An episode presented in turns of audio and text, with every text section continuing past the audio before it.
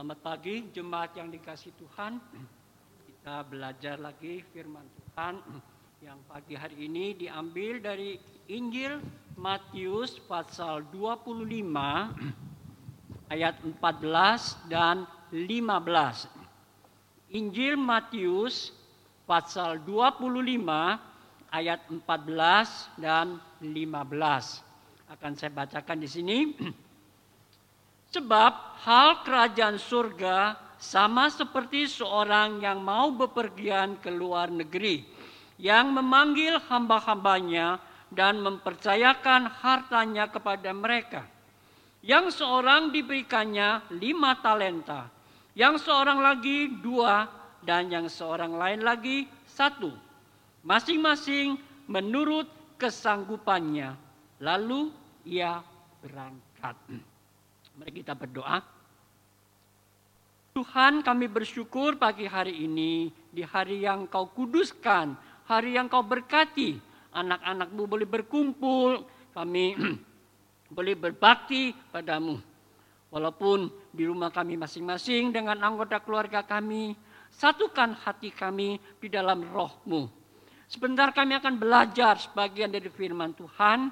Kami mohon roh kudus yang membimbing kami hingga kami boleh mengerti maksud Tuhan.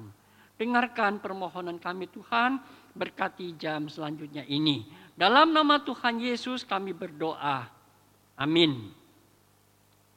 Ini merupakan salah satu perumpamaan yang Tuhan ceritakan kepada murid-muridnya. Dan saya yakin ini bukan satu hal yang baru bagi orang Kristen. Seringkali perumpamaan ini dibicarakan, diuraikan supaya kita lebih mengerti akan kebenaran firman Tuhan. Saudara, di sini dikatakan hal kerajaan surga sama seperti seorang yang mau bepergian ke luar negeri.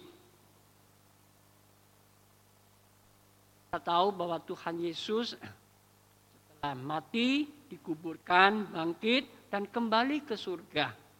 Nah, dia berjanji akan datang kembali untuk menjemput kita anak-anaknya. Nah perumpamaan ini cocok sekali. Waktu Tuhan kembali ke surga, dia memberikan pesan yang disebut sebagai amanat agung kepada murid-muridnya untuk diselesaikan. Nah di sini Tuhan Yesus mengingatkan kita bahwa majikan itu pergi ke luar negeri dan dia mempercayakan hartanya kepada hamba-hambanya. Dan diberikan sesuai dengan kesanggupannya. Nah saudara, kita membicarakan ini bahwa sejak lahir kita semua mewarisi satu bakat ya, daripada gen orang tua kita. Walaupun tidak mutlak, namun paling tidak kita bisa merasakan. Waktu kita dilahirkan, kita mewarisi sesuatu dari orang tua kita. Kalau orang tua kita berjiwa seni, suka gambar, suka musik, hmm, paling tidak anak-anaknya juga mewarisi sedikit kemampuan-kemampuan belum lagi di dalam suasana lingkungan keluarga ya yang memadai boleh terus membina dia. Sehingga anak-anak yang dilahirkan dalam keluarga ini mereka juga mempunyai bakat-bakat seni ya. Suka musik atau suka gambar atau suka yang lain-lain. Nah atau juga kalau orang tuanya itu mempunyai pemikiran sebagai ilmuwan Nah anak-anak yang dilahirkan dalam keluarga seperti ini, mereka juga menyukai mungkin penelitian mengenai ilmu pengetahuan dan Nah, kalau anak-anak di dalam suasana seperti ini, mereka dibimbing lagi dan dia mau belajar lebih semangat lagi, menekuni bidang-bidang mereka. Nah, pastilah nanti kalau mereka dewasa, mereka juga bisa melakukan sesuatu Saudara, nah apa bedanya bakat dengan talenta?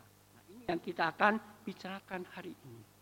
Kalau tadi saya katakan bahwa bakat itu adalah warisan ya sesuai dengan gen dari orang tua kita di dalam hidup lingkungan. Talenta itu apa? Apa bedanya? Kelihatannya memang tidak terlalu beda. Tapi bagi kita orang Kristen, nah kalau kita bisa menggunakan bakat-bakat kemampuan kita untuk pelayanan bagi kerajaan surga, untuk Tuhan, maka Tuhan akan memberkati. Sehingga bakat-bakat kita itu diberkati menjadi lebih nyata lagi. Kita boleh melakukan sesuatu yang lebih besar lagi demi kemuliaan nama. Nah di situlah kita mengatakan bahwa bakat-bakat yang kita terima dari bawaan orang tua kita, kemudian kita pakai, kita persembahkan buat Tuhan, dan itu menjadi satu talenta demi kemuliaan nama Tuhan, juga menjadi satu talenta yang boleh menjadi berkat bagi lebih banyak orang. Nah, firman Tuhan mengatakan, waktu kita diselamatkan, kita menjadi anak-anak Allah. Efesus pasal pertama ayat 13 14 menekankan itu bahwa Roh Kudus dimetraikan dalam hati kita. Jadi setiap orang yang percaya pada Injil keselamatan Tuhan Yesus Kristus. Roh Kudus dimetraikan. Itu menjadi satu metrai, ya, satu apa tuh uh, jaminan nanti kita bisa mewarisi surga. Nah kita tahu bahwa Roh Kudus adalah pemberi karunia. Dalam 1 Korintus pasal 12 14 nyata dengan jelas sekali ya bahwa Roh Kudus itu akan memberikan bermacam-macam karunia kepada umat Tuhan. Sehingga umat Tuhan diperlengkapi ya, untuk pelayanan bagi Tuhan. Nah di sini maka kita mendapatkan satu kesadaran bahwa setiap kita yang sudah percaya pada Tuhan, kita yakin ada Roh Kudus dalam hati kita, maka Roh Kudus akan memberikan satu dua macam karunia kepada kita untuk satu kelengkapan sehingga boleh dipakai untuk pelayanan Tuhan. Nah, kita bersyukur ya Paulus menekankan ini. Kita perlu menuntut untuk mendapatkan karunia yang bisa membangun jemaat. Bahkan Yakobus mengatakan kalau kita tidak memiliki, kita merasa kurang, kita boleh minta kepada Tuhan. Memberikan itu. Jadi ada bakat, diberkati menjadi karunia. Kalau kita kurang, kita boleh minta. Bahkan Paulus juga menekankan kepada Timotius, jangan lupa karunia yang pernah kau dapati melalui tumpang tangan dari hamba-hamba Tuhan. Nah, di sini kita lihat, kalau kita tidak memiliki, kita butuh, kita boleh minta. Melalui tumpang tangan dari hamba Tuhan, kita pun juga bisa mendapatkan kasih karunia. Luar biasa. Kita menjadi anak-anak Tuhan, diberikan kemampuan, diberikan kepercayaan. Sehingga kita boleh melakukan sesuatu. ya Sehingga kita boleh dipakai menjadi alat Tuhan menjadi berkat bagi banyak orang. Jadi setiap anak Tuhan perlu mengevaluasi diri sendiri. Melihat diri sendiri. Kira-kira apa yang Tuhan berikan padamu. Paling tidak ada satu atau dua lah. Gak mungkin kalau kan aku tidak bisa apa-apa. Aku tidak punya karunia. Tidak mungkin. Oleh kalau kamu menyangkal roh kudus ada dalam dirimu. Kalau kamu yakin Roh Kudus ada di dalam dirimu, Roh Kudus adalah yang memberi kasih karunia. Pasti akan memberikan kelengkapan. Karena Tuhan menginginkan kita sebagai anak-anaknya menggunakan seluruh hidup kita melayani Tuhan demi kemuliaan nama Tuhan. Nah di situlah kita jangan eh, membanding-bandingkan diri kita dengan orang lain. Ya, tadi Alkitab mengatakan diberikan kepada masing-masing menurut kesanggupannya. Ada yang diberi lima, ada yang diberi dua, ada yang diberikan satu. Yang penting apa? Lakukanlah sesuai dengan tanggung jawabmu. Tatkala majikan ini kembali, ya, maka tiga hamba yang mendapat kepercayaan itu, mereka perlu apa? Mempertanggungjawabkan. Mengingatkan kita, nanti kalau Tuhan Yesus datang kembali, menjemput kita mau kembali ke surga, kita semua harus mempertanggungjawabkan. Apa yang sudah Tuhan percayakan kepadamu. Kalau kau dapat lima karunia, apa hasilnya? Kalau kamu dapat dua karunia, sama apa hasilnya? Kalau kamu dapat satu, ya pertanggungjawaban semua. Kan tidak menuntut yang berkelebihan. Ya. Sesuai dengan kesetiaan kita. Sesuai dengan kemampuan kita. Bagaimana kita mengusahakan sebaik mungkin. Nah kita lihat, tatkala tiga hamba Tuhan ini, ah, tiga hamba majikan ini, mereka mempertanggungjawabkan kepada majikannya. Apa yang diberikan oleh majikan ini? Dari ayat 21 dan ayat 23. Yang mendapat lima, menghasilkan lima. Yang mendapatkan dua, menghasilkan dua. Upahnya sama. Ujiannya sama. Ya. Maka kata tuannya itu kepada kepadanya, baik sekali perbuatanmu itu, hai hambaku yang baik dan setia. Kau telah setia dalam perkara kecil. Aku akan memberikan kepadamu tanggung jawab dalam perkara yang besar. Masuklah dan turutlah dalam kebahagiaan Tuhanmu. Pada yang dua sama. Ayat 23, pujiannya jadi dengan kata lain kita tahu bahwa Tuhan menuntut kita menjadi hamba yang baik dan setia. Kalau kita kembali ke apa itu pasal 24, Matius pasal 24 di ayat 45 dan 46 di situ juga dibicarakan tentang hamba yang setia.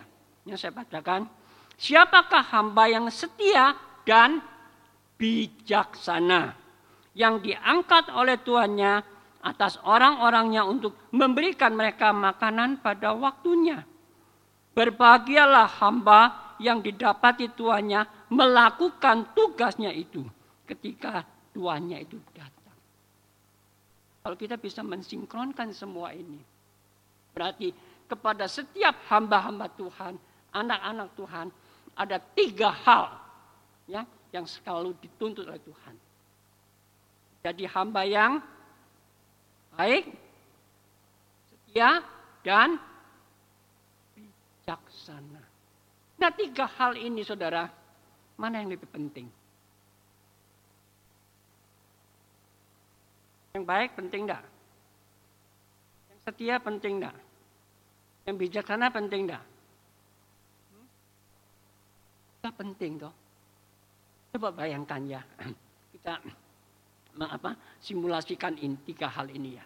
Kalau ada orang, ada hamba yang bijaksana, pinter sekali, tapi jadi tidak baik, kepribadiannya nggak baik, dan dia juga nggak setia. Apa yang dilakukan? Pinter sekali, tapi kepribadiannya nggak baik dan dia nggak setia. Coba apa yang dia lakukan? Orang yang ngawur ya, atau bisa melakukan segala kejahatan. Ya, apa saja bisa lakukan, dia pinter kok. Ya. Tapi sayang, kepribadiannya nggak baik dan dia nggak setia. Nah, sulit bagi orang seperti ini melakukan hal-hal yang positif.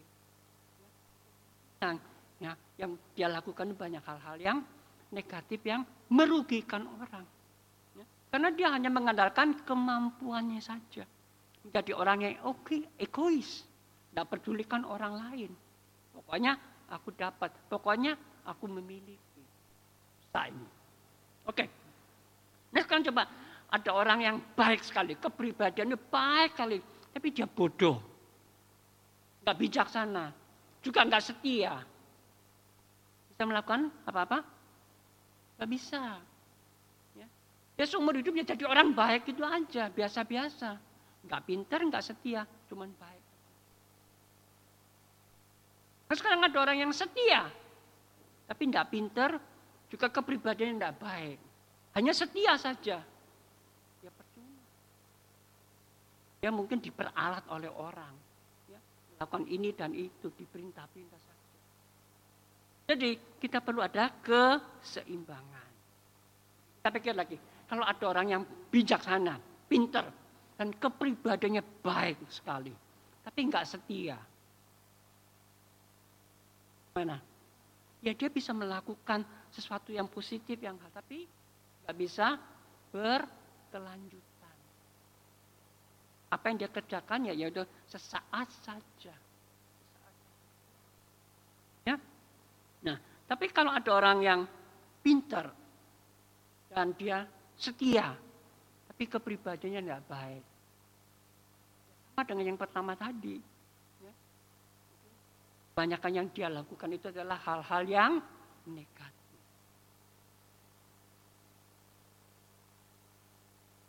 Baik kepribadiannya setia tapi tidak pinter. Masih lumayan. Ya, dia. Orang pinter, ya udah. Dia nggak bisa jadi pemimpin, nggak cocok jadi pemimpin.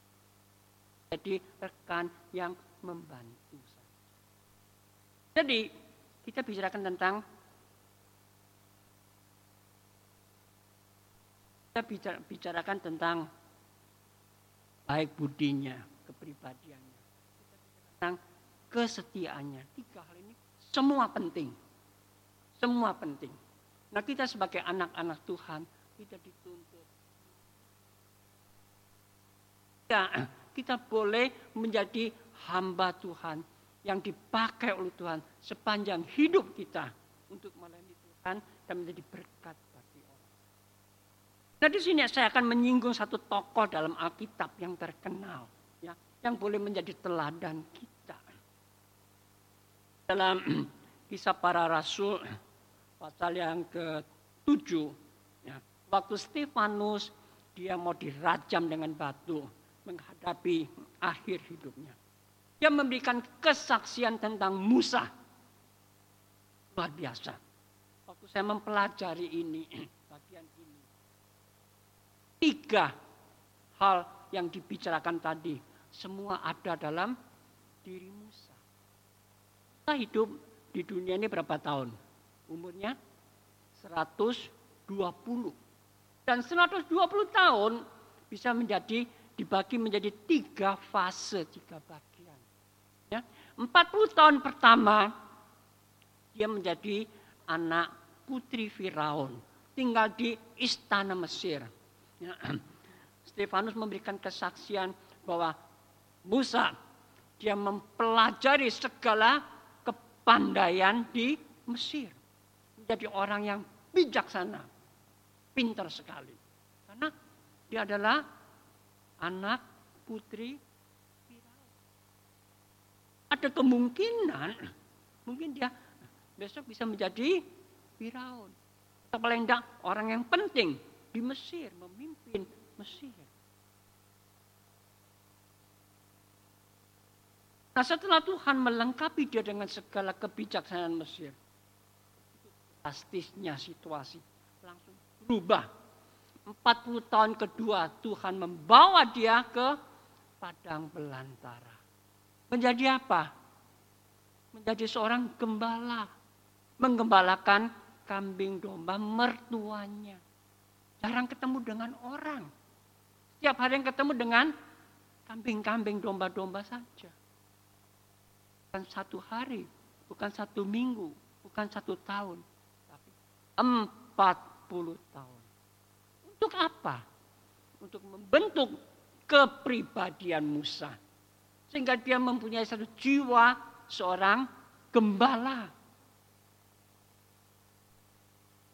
Nah, setelah Tuhan membentuk dia. Nah, kemudian hari Tuhan akan memberikan tanggung jawab yang besar kepada Musa untuk memimpin orang Israel keluar dari Mesir masuk ke tanah. 40 tahun terakhir Musa membawa orang Israel keluar dari Mesir ingin ke tanah kanan. Nah, di situlah kita melihat komentar dari Alkitab bagaimana tentang Musa.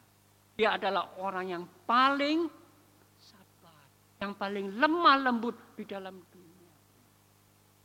Kan dikatakan dia adalah orang yang setia kepada Tuhan. Ini Allah sendiri loh yang memberikan rekomendasi. Kita bisa baca di dalam kitab bilangan pasal 12 ayat 3 dan ayat 7. Dia pandai selama 40 tahun dia mempelajari semua kepandaian di Mesir. Kemudian Tuhan membentuk dia 40 tahun dengan satu kepribadian seorang gembala. 40 tahun Tuhan memberikan tanggung jawab. Begitu setia dia memimpin orang Israel keluar dari Mesir dalam perjalanan padang belantara menuju ke tanah. Saudara,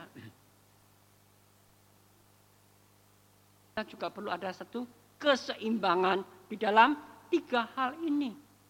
Ya, jadi kamu jangan kecil hati. Wah aku nggak bisa apa-apa. Aku bisanya cuma begini, cuma begitu aja. Nggak apa-apa. Kamu harus menemukan dirimu sendiri. Ya, setelah itu kembangkan apa yang kau miliki dan gunakan. Selalu rendah hati di hadapan Tuhan, mohon Tuhan memberkati. Sehingga apa yang kau miliki itu, bakat-bakatmu, karunia-karunia yang kau miliki itu. Dan dirimu juga sebagai seorang yang bijaksana, yang baik dan yang setia di hadapan. juga belajar dalam hal ini. Saya menemukan diri saya sendiri sejak kecil dulu ya.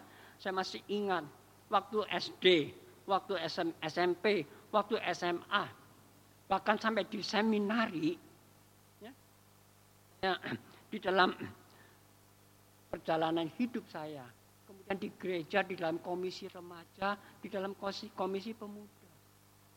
Kalau ada kegiatan, aktivitas, entah itu acara-acara apa saja, saya selalu diberikan tugas menjadi sekretaris. Bagian administrasi.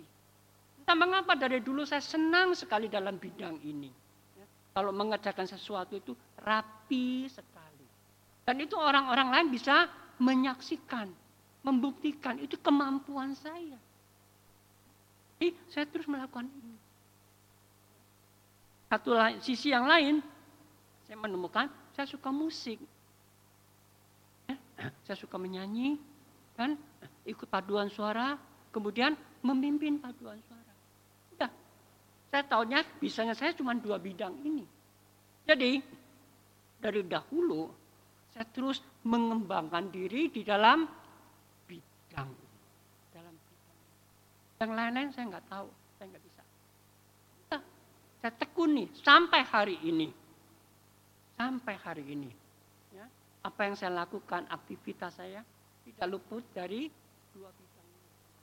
Tasi, pengajaran, ya, tentang kesekretarisan ataupun dengan bidang musik.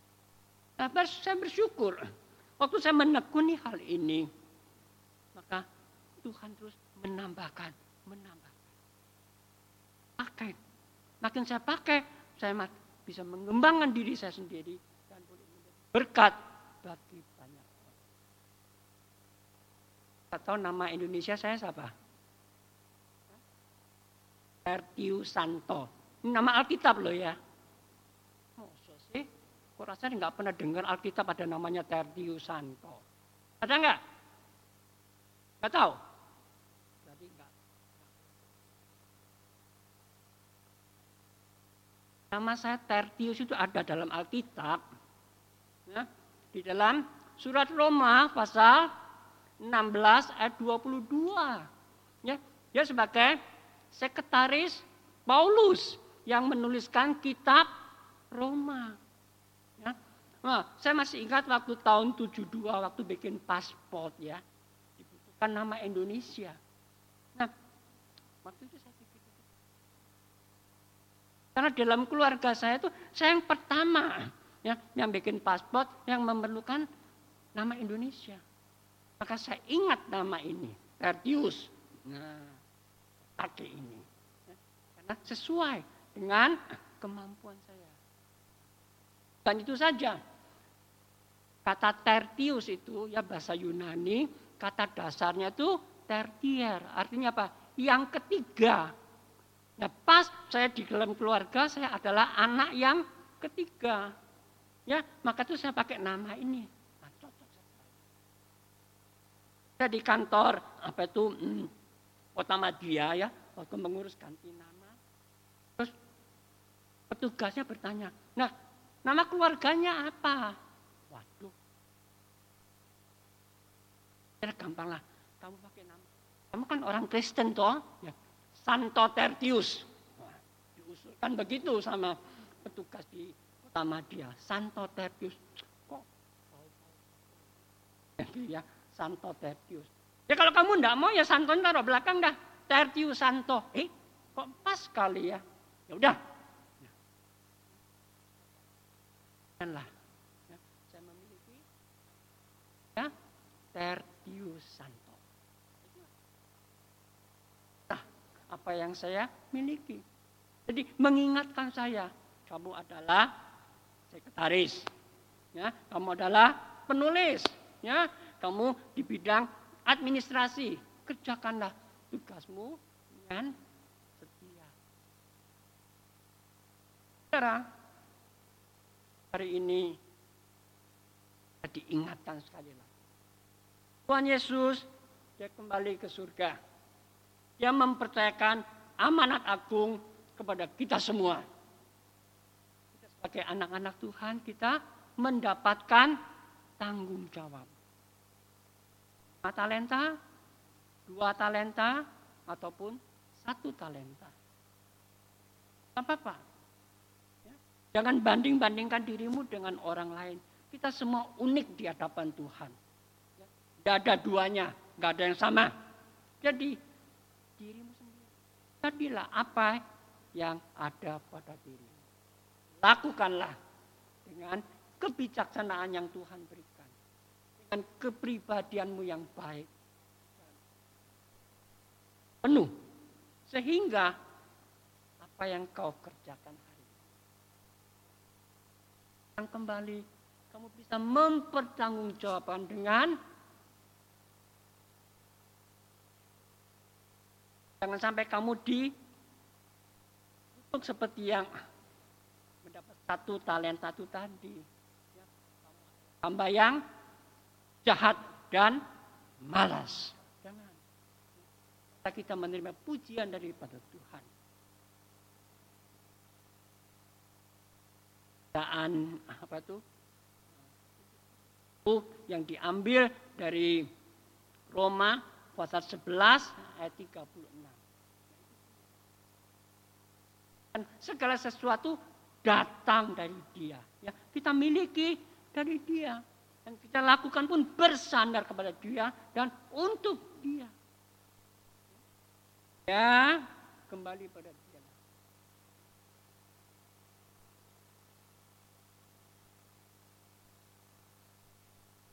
Di hadapan Tuhan. Kita masih ada kesempatan.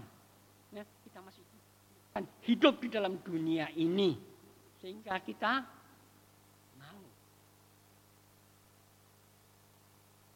demi kemuliaan. Saya bersyukur ya setelah saya pensiun dari pelayanan gereja, ya, banyak orang menanyakan pada saya, kamu sudah tua nanti apa yang kamu kerjakan? Kasih, ya saya bilang nggak tahu. Sekarang ya juga lakukan seperti apa adanya. Ya. Dan Mazmur 92 terakhir ada empat ayat yang selalu mengingatkan Mazmur 92 ayat 13 sampai 16 ini dikatakan orang benar akan bertunas seperti pohon korma, akan tumbuh subur seperti pohon aras di Libanon. Mereka yang ditanam di bait Tuhan akan bertunas di pelataran Allah kita.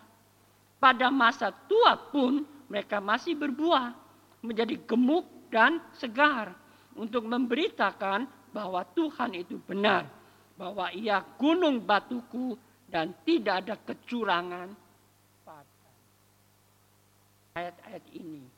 Setiap hari mengingatkan saya terus berusaha, terus melakukan kewajiban saya, tugas saya dengan bijaksana, baik dan setia. Nah, sampai tua pun saya masih tetap bisa berbuah bagi Menyatakan kesegaran berkat. Mari kita berdoa. Tuhan Bapak kami dalam surga, kami bersyukur untuk firman yang boleh kami renungkan. Adalah firman yang sederhana ini. Lalu mengingatkan kami sebagai anak-anakmu yang sudah dimetraikan dengan roh kudus. Kami juga memiliki kasih karunia dari Tuhan. Tolonglah kami Tuhan menemukan karunia yang Tuhan berikan. Dan ajarkanlah kami boleh terus mengembangkan dan memakai semuanya ini. Demi kemuliaan nama Tuhan. Jadikanlah kami semua anak-anakmu bijaksana, yang baik dan setia. Tolonglah kami Tuhan. Sehingga nanti kami bertemu dengan Tuhan kembali. Kami boleh mempertanggungjawabkan dengan tidak malu. Doa kami dalam nama Tuhan Yesus Kristus. Amin.